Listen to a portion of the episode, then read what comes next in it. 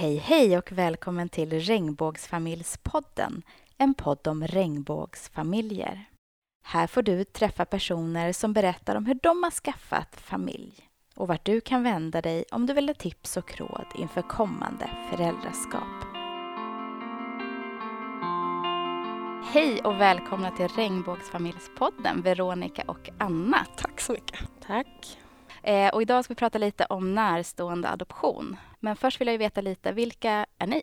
Eh, Veronica Berghultén heter jag och jag är, jag i den här rollen då så är jag projektledare här på RFSL Stockholm där vi sitter nu och spelar in. Eh, för det här projektet då som eh, vi kallar utåt för hbtq-familjer för att vår hemsida heter hbtqfamiljer.se. Och det är ju en helhets storsatsning på hbtq-personer och föräldraskap på olika sätt. Mm, och jag har ju samma roll i det här. Jag är också projektledare tillsammans med Veronica. Varför startade ni hbtq-familjer?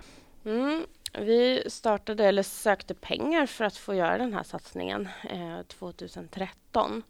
Och eh, egentligen bakgrunden var att väldigt många hbtq-personer som antingen var föräldrar redan eller hade en önskan om att bli föräldrar hörde av sig till oss vilket man kan ju tänka är rimligt om man har frågor, att man hör av sig till RFSL och RFSL Stockholm. Alltså som RFSL är ju ändå Sveriges största hbtq-rättighetsorganisation, så det är ju inte konstigt.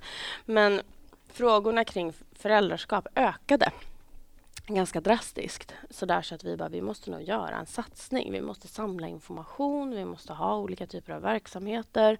Vi måste uppdatera vår kunskap för att kunna svara på de här frågorna på ett bra sätt. Vi måste göra massa saker kring det här. Så det var bra bakgrunden till varför vi överhuvudtaget liksom började. Och när lanserade ni sajten? I, nu ska vi se att jag säger rätt här. I maj 2015 och då hade det här projektet rullat i nästan ja, över ett år, nästan ett år. Eh, så det första året som vi, vi har fått pengar från Arvsfonden ska jag säga, för att göra den här satsningen i tre år. Och det första året var ju väldigt mycket samla information, ja, bygga upp nätverk, starta upp verksamheter och skriva alla texter som nu finns på hbtqfamiljer.se. Det är ju ett arbete innan man kan trycka på lanseringsknappen. Det tog ett år ungefär. Så maj 2015. Om man tittar på RFSL, kan ni berätta lite kort vad RFSLs uppdrag är? Alltså RFSL är ju Riksförbundet för hbtq-personers rättigheter. Eh, och det är ju en organisation som har eh, ja, många år på nacken. Eh, historien går så långt tillbaka som till 50-talet så det är ju en av världens eh, äldsta hbtq-organisationer. Om man tittar på närstående adoption som vi ska prata om idag, eh, vad är det egentligen? Ja, om man ska dra den snabba förklaringen då så är det ju att en person adopterar ett barn som den redan har en relation till. Alltså den, den vuxna som adopterar barnet har redan en relation till barnet. Och oftast till skillnad då från in, det man brukar kalla för internationell adoption, då adopterar man ett barn som man ja, bygger upp en relation med. Så, det, är ju, det är ju skillnaden. Och eh, oftast är det ju fråga om en partners barn. Eh, vi säger ju att det oftast när det gäller samkönade par är fråga om att man adopterar sitt eget barn. Man kanske från början, de allra flesta vi träffar, tänker ju att det här är att jag adopterar mitt eget barn. Men om man ska titta på det utifrån formulering, liksom, ja, och, alltså hur man nu ja, då är det ju att man adopterar sin partners barn. Men vi håller inte riktigt med om den definitionen. Så. Mm. Men det är det det är. Mm. Mm. Finns det olika typer av närstående adoption? Ja, kanske inte olika typer av närstående adoption men det kan ju vara aktuellt i olika fall. Eh, och det är ju aktuellt i, i alla fall där barn eh, tillkommer genom assisterad befruktning utanför svensk sjukvård helt enkelt. Så har man åkt utomlands till exempel eller har man eh, gjort en heminsemination eller det som brukar kallas privatdonation. Då blir det här eh, aktuellt för samkönade par. Eh, och det vanligaste, eller eh, ja, framförallt eh, det som vi möter är ju ja, så kallade lesbiska par eh, som har åkt utomlands eller gjort en, en heminsemination. Eh, men sen är det ju också aktuellt när det gäller surrogatöverenskommelser. Eh, ja, både om man då åker utomlands eller har gjort en privat överenskommelse med till exempel en vän eh, i Sverige. Och sen så kallas ju ofta eh, närstående adoptioner eller när man söker eller försöker söka information eh, på nätet och sådär, man går in på eh, familjerätten eh, så brukar det ofta kunna heta styrbarnsadoption. Det är så det omnämns. Alltså då att det handlar om att bonusföräldrar adopterar sina bonusbarn eller sitt bonusbarn. Eh, och det kan man göra såklart både i olikkönade eller samkönade relationer. Eh, men den typen av, eller att det just handlar om bonusföräldrar som adopterar sina bonusbarn, den är ju inte lika vanlig som samkönad närstående adoption. Så det blir också lite speciellt och lustigt att det omnämns så. Det är mm. kanske inte det man känner sig träffad av Nej. som ett samkönat par. Det är ju inte ett styvbarn eller bonusbarn Nej. som man adopterar utan ett barn som man har varit med och planerat för och hela tiden tänkt att det är jag som ska vara förälder till mm. det här barnet. Du var inne lite på det, men eh, hur går man tillväga när man vill göra en närstående adoption? det är ju en rad steg i den här processen. Liksom. Det, är inte, det, det, tar ju en stund det här och det är en rad steg. Vi kan väl ta varsitt, vi går igenom det helt enkelt. Ja. Eh, det som eh, alltså det utgår från eh, tingsrätten. Så det första man gör, det blir väldigt mycket juridiska begrepp här nu, men det första man gör det är att man skickar en ansökan till tingsrätten. Det är det man formellt gör. Och det går till så att man fyller i en blankett som finns som heter ansökan om att anta adoptivbarn. Eh, eller att man själv skriver ett brev. Man behöver faktiskt inte använda den där blanketten fast vi brukar rekommendera att man gör det för den finns ju då. Och så skickar man in den till sin närmaste tingsrätt. Det är ju beroende på var man bor i landet. Eh, och med den här ansökan ska man bifoga en rad andra handlingar. Bland annat då personbevis för både personen som ska adoptera, barnet och den befintliga juridiska föräldern, säger jag nu. Alltså den som redan är juridisk förälder till barnet. Personbevis på allihopa. Och någonting som heter hemortsbevis va? ska in där också. Mm. Och sen ska det också med ett samtycke från barnets juridiska förälder eller vårdnadshavare. Då. Ehm, det bygger ju på det också, att den personen samtycker till det här. Så det kan inte ske en närstående adoption om den inte gör det. Och um, Precis. Och också, det här föregås ju också av en faderskapsutredning som det heter. Och då till, med den här ansökan till tingsrätten behöver man också en kopia då på stadsdelsnämnden är det, eller kommunen om det inte är i Stockholm. I Stockholm heter stadsdelsnämnd, i mindre kommuner är det ju kommunen. Beslutet som de har tagit om att lägga ner faderskapsutredningen. Så det är ju en rad handlingar, alltså pappersarbete är steg ett. ansökan med ett gäng bilagor. Det är det första. Eller egentligen är det första en faderskapsutredning. Mm. Vi kan ju också samla det här lite, beskriva det, de olika stegen och vart man hittar informationen. Ja, mm, eh, absolut. Vi gör det här i artikeln, så att ni som vill hitta blanketterna, eh, kolla längst ner i artikeln så ser ni dem där. Mm. Ja, jag tar nästa steg då helt enkelt, så varierar vi lite här. Sen behöver man betala en avgift till tingsrätten för att ja, de överhuvudtaget ska ta sig an det här ärendet. Eh, och det är inte jättelätt att hitta information om att det faktiskt är så, att det är en, en kostnad inbyggt i det här. Och den, ja, den ligger på cirka 900, eh, det är det senaste vi har hört. Och det betalar man in till tingsrättens ja, plusgirokonto helt enkelt. Så att in med ansökan, de här dokumenten och betala helt enkelt. Och nästa steg? Mm. Mm. När då tingsrätten får in det här, det som händer då, det är att tingsrätten skickar eh, den här, eller man uppdrar, heter det, till socialtjänsten i kommunen eh, att starta den här så kallade utredningen. Då. Det är väl det ordet som oftast används. Ehm, man ska helt enkelt, det är en handläggare på socialtjänsten eller det som brukar kallas för familjerätten inom många kommuner som får i uppdrag att utreda och göra ett underlag för det här.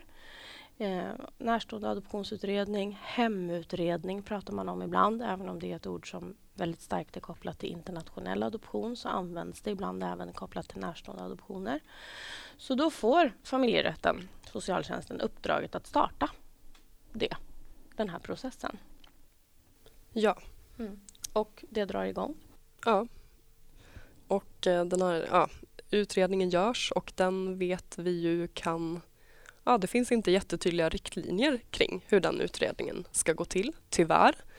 Eh, det är någonting vi väldigt gärna skulle se att det fanns. Att det här inte skulle bli ja, godtyckligt och upp till den enskilda handläggaren. Eh, och många blandar också ihop det med internationell adoption som ju är en mycket större process eh, och som kräver eh, ja, mycket mer pappersarbete och intyg och hej och hå. Ehm, men efter hembesök och så, för det brukar ju de flesta göra i alla fall, ehm, så blir det här helt enkelt ett ja, yttrande, heter det. Eh, handläggaren eh, lämnar helt enkelt ja, ett råd till socialnämnden som är den instans då som ska ta ett beslut kring det här. Ehm, och här har man ju, ja, den här ut, eh, handläggaren har ju barnets bästa i fokus, brukar det heta. Eh, alltså att hela syftet är att man ska titta på om det är barnets bästa eh, att det adopteras av just den här eh, personen. Och det kan ju låta jätteprovocerande såklart. Eh, men ja, det är det som, som är uppdraget helt enkelt. Eh, och sen hamnar det här hos socialnämnden då eh, som fattar ett beslut eh, och det brukar ju vara ett beslut som ja, helt enkelt överensstämmer med, med det som handläggaren har föreslagit. Och sen då i sin tur, en lång radda här, så ska det här beslutet då från socialnämnden, alltså kommunen, eh, skickas då tillbaka till tingsrätten eh, som sen ska ta det, det, slutliga beslutet. Och det brukar ju också eh, landa i, i samma beslut som då eh, socialnämnden har tagit.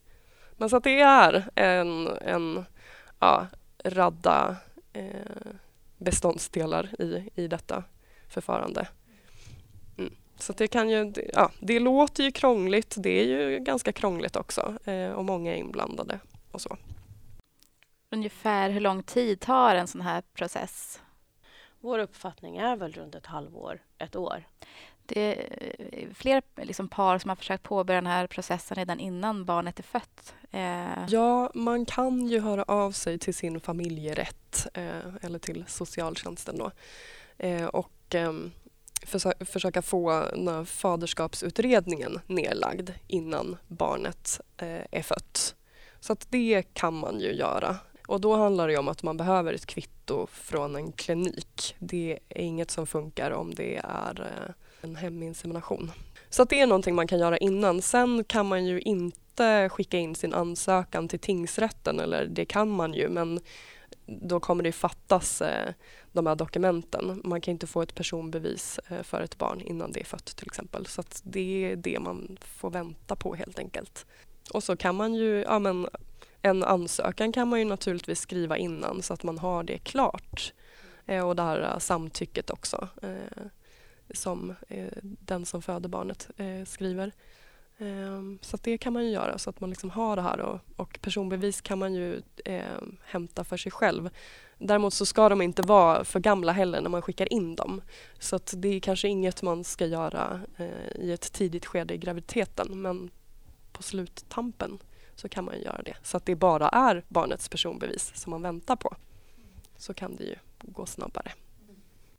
Mm. Om man tittar på varför man behöver göra en närstående adoption det är en bra fråga. Många ställer den till oss också. Ska sägas, varför behöver jag göra det här? Ja, det finns ju en... Alltså, så som vi har förstått det, så som vi förstår det, så är grundorsaken att man i Sverige tänker, och nu pratar jag ju väldigt brett, liksom någon slags allmän uppfattning om att ett barn har rätt att känna till sitt genetiska ursprung. Och en närstående adoption behövs ju inte för ett samkönat par som har gjort eh, behandling med spermiedonation på svensk klinik. För då finns det ett samtycke till behandling och via det kan man då spåra, eller man, det intyget säger att barnet har den här rätten. Så. Men har man varit på en klinik utomlands eller det är en heminsemination eller vad det nu är, då, ja, då finns det inget sånt dokument som liksom talar om för familjerätten att barnet har möjlighet att ta reda på det genetiska ursprunget. Utan då, då ska det utredas och syftet är då att man tänker att det är barnets bästa att ha den rättigheten. Och det kan man ju verkligen det kan man ju diskutera. Så.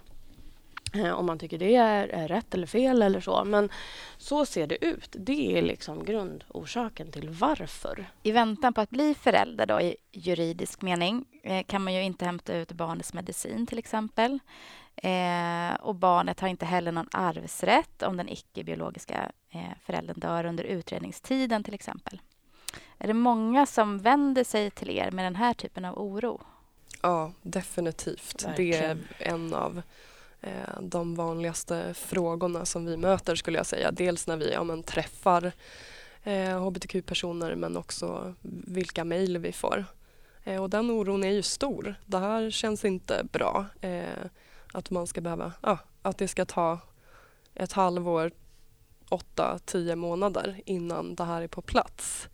Eh, och man oroar sig mycket för vad som, vad som kan hända om ja, den som bär barnet skulle gå bort eller bli långvarigt sjuk, bli inlagd på sjukhus. Eh, och kanske någonting som vi brukar prata mycket om är ju eh, ja, när det uppstår konflikt. För det är ju någonting som vi eh, möter också.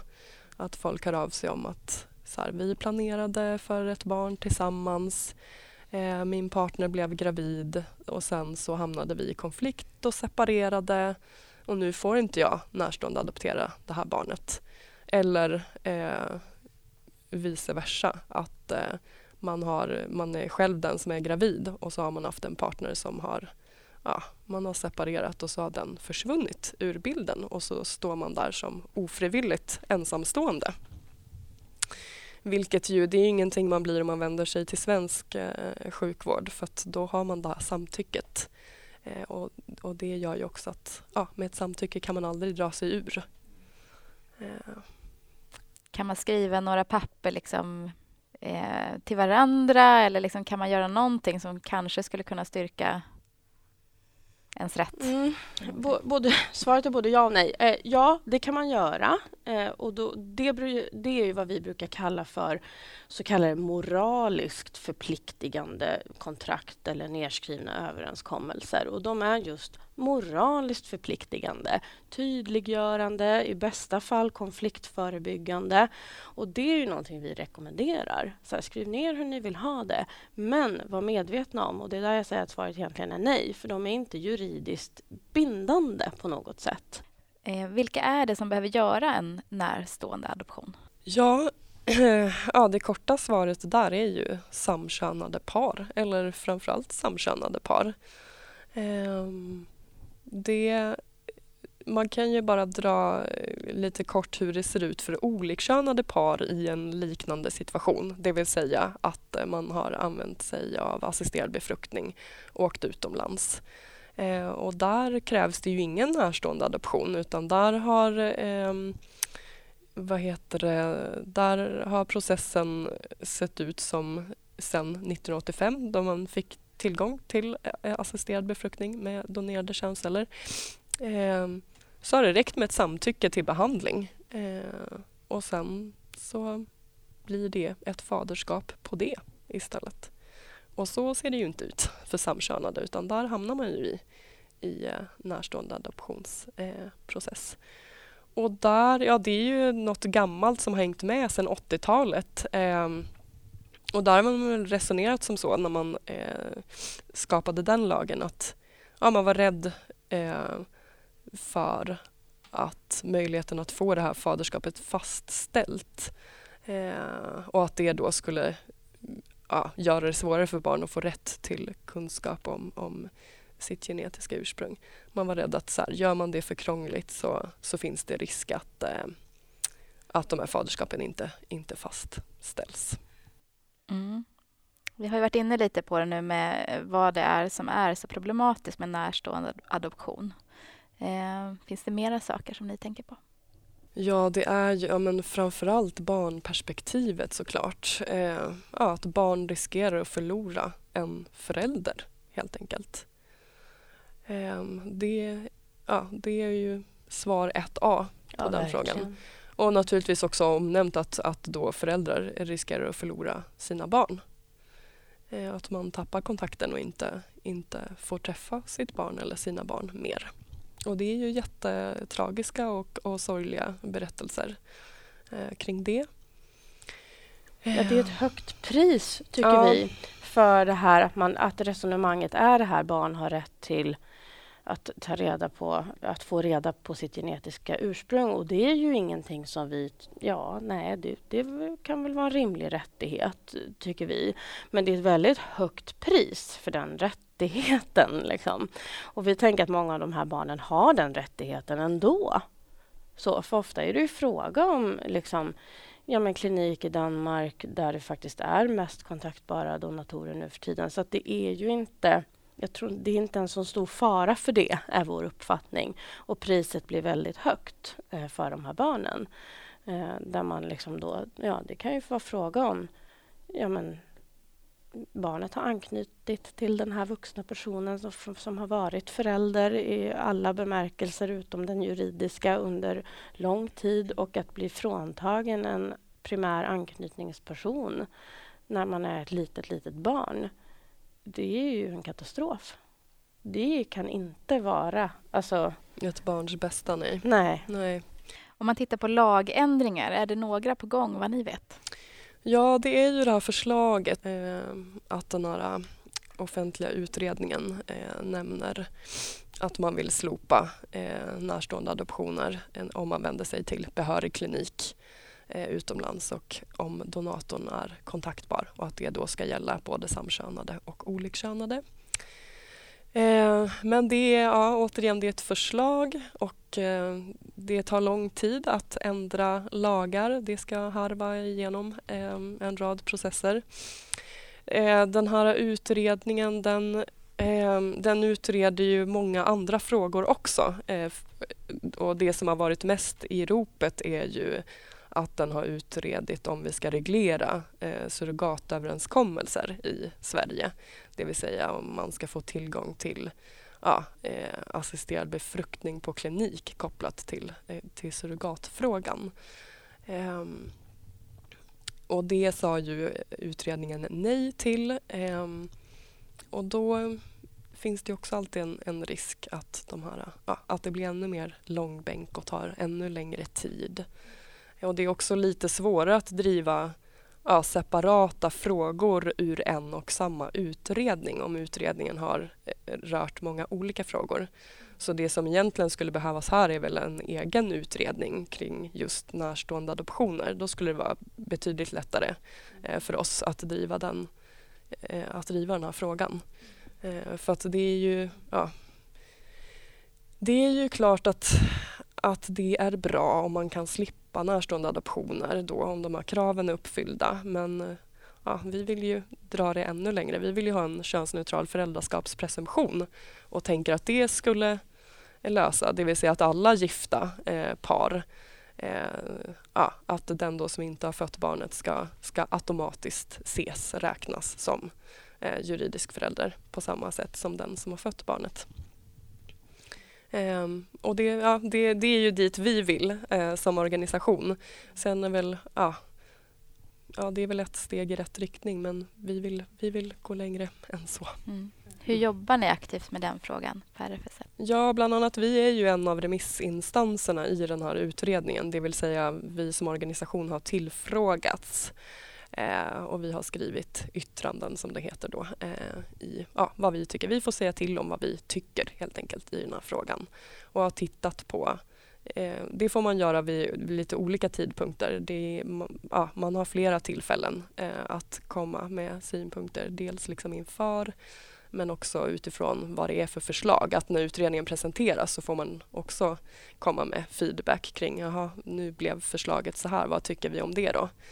Eh, och där tryckte vi ju på framförallt att det är ju den här föräldraskapspresumtionen, den könsneutrala, som, som vi behöver i det här. Så lagstiftningen kring de här frågorna ser väldigt olika ut runt om i världen. Men om man tittar på, vår, på Sveriges närområde och liksom europeiska länder då finns det ju någonting som man skulle kunna kalla för könsneutral föräldraskapspresumtion vid äktenskap eller partnerskap beroende på hur det är formulerat i olika länder. Eh, det, det finns mm. Eh, så. Ehm, I England till exempel om det är ett, ett gift samkönat par, den ena föder ett barn, då sker det på automatik. Eh, det blir väldigt märkligt då. Och det, där har vi kontakt med flera par nu från olika delar av världen. Både där kanske en är svensk medborgare men bosatt i ett annat land. Eh, och så, ja, då räknas inte föräldraskapet i Sverige utan då måste man göra en närstående adoption i Sverige fast man kanske inte ens är bosatt här. Eller man eh, flyttar, man är utländska medborgare båda två och liksom är juridiska föräldrar till sina gemensamma barn, eh, hur det nu är reglerat i det landet där man är medborgare. Mm. Så flyttar man till Sverige för jobb till exempel. Och då säger svenska myndigheter, eh, det är främst då Skatteverket man har kontakt med att nej men det är ju bara den födande, för den som har fött barnet här, den genetiska föräldern som vi ser som rättslig eller juridisk förälder här. För det finns inget samtycke till behandling från en svensk klinik för att ni kommer ju från, jag vet inte, ett annat land, Finland, Norge eller vad det nu kan vara och då har gjort er behandling där. Så att då, och det, vi godkänner inte lagstiftningen här, så att välkommen in i en närstående adoptionsprocess. Och där får ju vi, nu raljerar jag lite grann, för det blir ju lite konstigt, för de mm. frågorna vi har fått vad det gäller de fallen är ju att de här personerna hör av sig till oss och ingångsfrågan är det här kan väl ändå inte stämma? Mm. Det, det, är ju det. Och då måste vi ju säga att jo, det gör det tyvärr.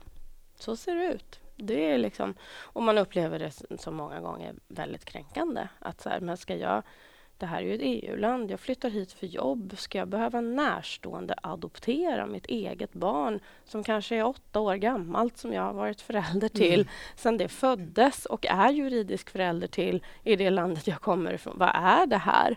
Man har uppfattat Sverige som ett föregångsland och man vet mm. att här har vi könsneutralt äktenskap och ett barn kan ha två föräldrar av samma juridiska kön så man har inte tänkt att det här ska bli ett problem.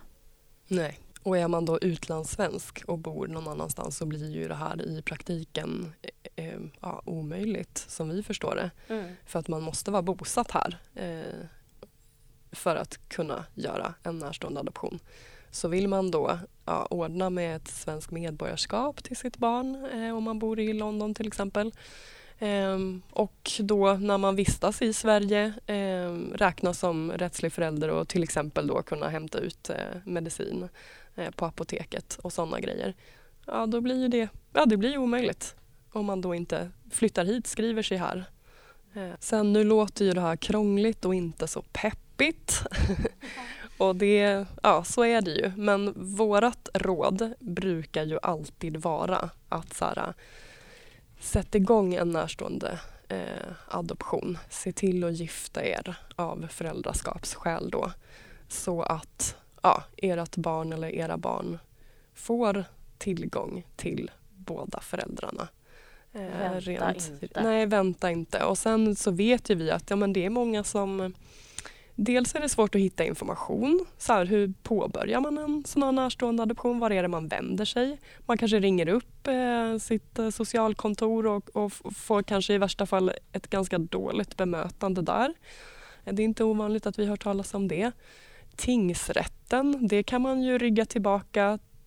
Tingsrätten, det är väl ett ställe man hamnar om man utsätts för brott eller liksom själv eh, blir åtalad för någonting eller anklagad för någonting. Eh, så att det, det, är instanser som kan kännas främmande för många. Att man ska vara en soc likadant. Att så här, det är inget ställe som... Ja, det föder helt andra tankar kring så här, när man vänder sig till, till sitt socialkontor. Så att, ehm, ja, det är ganska hög tröskel och där vill ju vi finnas med som ett stöd och ehm, ja, en del är vår hemsida då, att vi vill ha information så att man snabbt ska hitta det. Hur går man tillväga? Så här, vad är våra tips?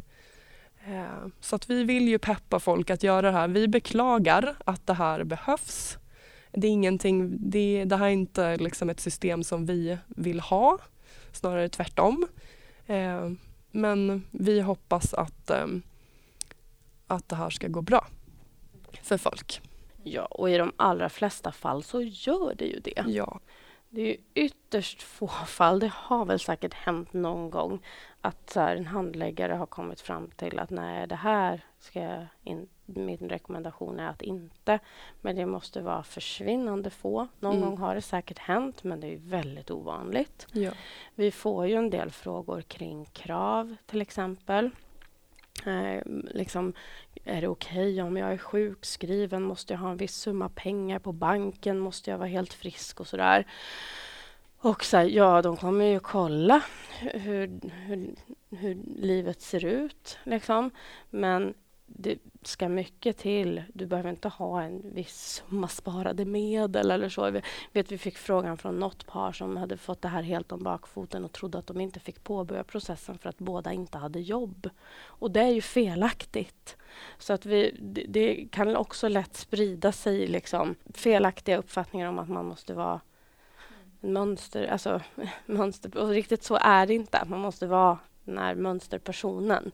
Det är okej okay om inte en har jobb. De kommer titta på helheten. Mm. Så. Mm. Mm. Men det är viktigt att ha med sig.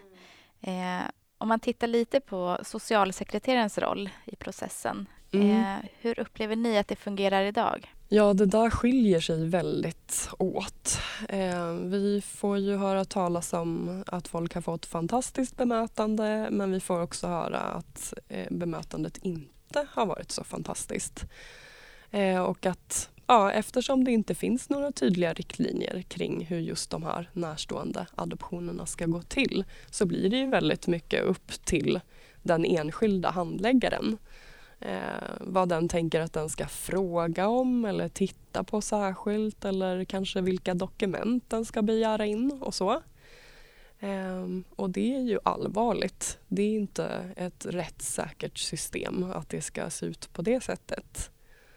Uh, så att vi får många olika berättelser kring det och också så här, om man har försökt ringa sin familjerätt för att bara få vägledning i så här, men vart börjar man någonstans? Är det er vi ska vända oss till eller var liksom, hur ska vi göra här? Vi vet ju familjerätter som har fantastiskt bemötande och har så här checklistor. Eh, de här dokumenten är det, hit ska ni höra av er, det här kan ni skriva. Använd gärna de här formuleringarna. Det är ju superbra, det borde alla ha. Eh, alltså det finns ju samtidigt som vi också får höra om folk som har ringt och så har man fått dåligt bemötande, någon som säger fnyser i andra änden att så här, det är ju tingsrätten ni ska vända er till. Eh, så. Och ja, nästan låtsas inte om som att det här är ärenden som ten, sen hamnar hos dem. Eh, det blir jättemärkligt om det sen är samma handläggare då, eh, om det är den som har svarat som sen ska göra den här hemutredningen till exempel. Ja, så väldigt olika mm. till handläggare. Så. Mm. Utbildar ni socialsekreterare i hur man mm. bemöter? Mm. Jag gjorde det senast i förra veckan. Då träffade jag eh, handläggare inom familjerätterna i fyra eh, kommuner i Stockholm och vi har träffat flera. Alla, nästan alla i hela Stockholms stad. Och, ja, verkligen, vi gör det. Och vi pratar mycket med dem om närstående adoptioner. Och eh, jag skulle vilja backa lite för just nu finns det ju en, eh, ett blogginlägg på hbtqfamiljer.se som är skrivet av en forskare som heter Katarina Nyström som har tittat på just det här. Handläggarnas, liksom, hur, hur går det här till? Och hon har kunnat visa på jättemycket spännande saker i sin forskning, bland annat det här att det går väldigt olika till. Men det som avgör väldigt mycket hur lång tid det tar eh, och hur processen går till är faktiskt den enskilda handläggarens syn på det här, den här typen av föräldraskap. Det vill säga, tycker den enskilda handläggaren att det här är ju ett föräldraskap som redan finns i känslomässig, social anknytningsmening eh, och det är bara min uppgift att fastställa det här juridiskt. Om handläggaren har den uppfattningen, då går det fortare. Om handläggaren tänker nej, det här föräldraskapet finns inte utan det är min uppgift att ta reda på om det ska etableras ett föräldraskap eller inte. Då går det långsammare. Då är processen längre. Det är en skandal i sig eh, att det är så. Och det har vi nu börjat lyfta upp och prata med de här handläggarna om och faktiskt säga att så här, nej, din uppgift är att fastställa det här, fastställa det här juridiskt jag blev förvånad första gången jag läste det här, det ska jag ärligt säga. För för mig var det så självklart att det här är föräldraskap som redan finns. Mm. Naturligtvis. Jag hade inte ens, och det är väl min ingång i det här naturligtvis, men jag hade inte ens tänkt tanken, ska jag ärligt säga, att man skulle kunna tänka att det här är ett föräldraskap som inte finns. Det förvånade mig, men det förklarar också mycket. Eh, så. Och där är ju vi nu, har ju blivit, blivit mycket tydligare bara på senare tid med att faktiskt säga det här är föräldraskap som redan finns. Det här är inga styvbarn, för att återkoppla till det vi Nej. pratade om i början. Det är inte styvbarn det här handlar om. Det här är människors barn. Mm. Punkt. Mm. Eh, sen ser det juridiskt ut på ett sånt sätt så att den här processen finns. Men om man jag sa det till de handläggarna jag träffade förra veckan. Om ni kommer börja prata med vår målgrupp, de här paren, om att så här, jaha, då ska du adoptera din partners barn, ditt styvbarn alltså. Redan där är ni rökta. Liksom. Det, det, man ser det inte som styvbarn. Och det här är föräldraskap som finns. Och där, det kommer vi fortsätta jobba på. Att föra ut det budskapet till de här handläggarna. Mm. Att de här föräldraskapen faktiskt redan finns. Nu har jag sagt det tio gånger tror jag. Men det är nästan det viktigaste. Ja, och inte bara att de redan finns utan också att det har ju också föregåtts i många fall av väldigt mycket planerande och ja. funderande och antingen så har det handlat om heminsemination eller så har man vänt sig till klinik. Ja, det är inte gjort i en handvändning heller så att det, det är ju man har ju tänkt sig, eller känt sig som tilltänkt förälder väldigt länge i många fall. Så det blir otroligt provocerande då att man sen stöter på långt senare, år senare kanske om man har försökt länge eh, att bli gravid eh, eller bli gravida. Att sen stöta på någon som då inte bekräftar en i det, det blir ju jättemärkligt. Konstigt liksom. Och där, där upplever ju personer att de blir kränkta. Alltså att, redan av själva förfarandet egentligen. Att så här, varför är det här? Jag, jag, känner mig kränkt av det faktum att jag behöver adoptera mitt eget barn. Eh, och det förstår ju vi. Och mm. som Anna sa, vi beklagar ju det. Men strunta inte i att göra det för den delen. För det, alltså, vi jobbar på att få till en lagändring. Vi får se om, när, om, hur. Mm. Men det är inte värt att strunta i det. För då, blir det, då förlängs bara den här rättsosäkerheten. Vänta inte för det. Nej, och sen är det också ett krav, och det gäller ju alla adoptioner, ju, att man är gift. Och det vet vi också att så här, det kan man ju också tänka olika saker kring och bli provocerad av. att så här, För att jag ska bli rättslig förälder, juridisk förälder så krävs det att vi är gifta och det var kanske inget som vi hade tänkt egentligen så. Men det där, ja det får man på något sätt ja, inte ta kanske, men ni förstår vad jag menar. Att det, man får ta det onda med det goda. Eh, och det går ju alltid att skilja sig. Ja, även om så här, det tar längre, den processen tar lite längre tid när man har ett barn. Men ja, gift er för, av föräldraskapsskäl då och sen kan ni fundera på vad ni vill göra av det man kan också skilja sig och ha en skilsmässofest. Fantastiskt. ja. Och det är ju också, en vanlig fråga vi får kopplat till närstående adoption är ju det här med föräldraförsäkringen. Det mm. har vi inte nämnt tror jag, men det känns ju faktiskt viktigt att nämna. Eh, att eh, vara under den här processen, en närstående adoption tar ju där, vad sa vi, åtta månader i snitt, tio där någonstans. Vad, hur blir det med föräldrapenning, dagar med föräldrapenning och ledighet? Mm. För de är ju då ja, det är ju då den juridiska föräldern som har dem får föräldrapenning. Alltså, och det, svaret på den frågan är väldigt enkel. Eh, så länge ett par är gifta så kan den juridiska föräldern överlåta dagar med föräldrapenning till den då icke-juridiska eh, under den tiden som processen pågår. Mm. Eh, och gift måste man vara för att få närstående adoptera, så det brukar vara man brukar vara det eller se till att bli det. Liksom. Mm. Eh, så att, ja, det är svaret på det. Fantastiskt. Eh, skilsmässofest. Ja. eh, ni jobbar aktivt för en lagändring. Vi hoppas att det blir så inom kort, så att man slipper det här. Eh, vi samlar all information Mm. så att ni hittar det ni behöver. Tack snälla för att ni kom och pratade om närstående adoption. Tack så mycket.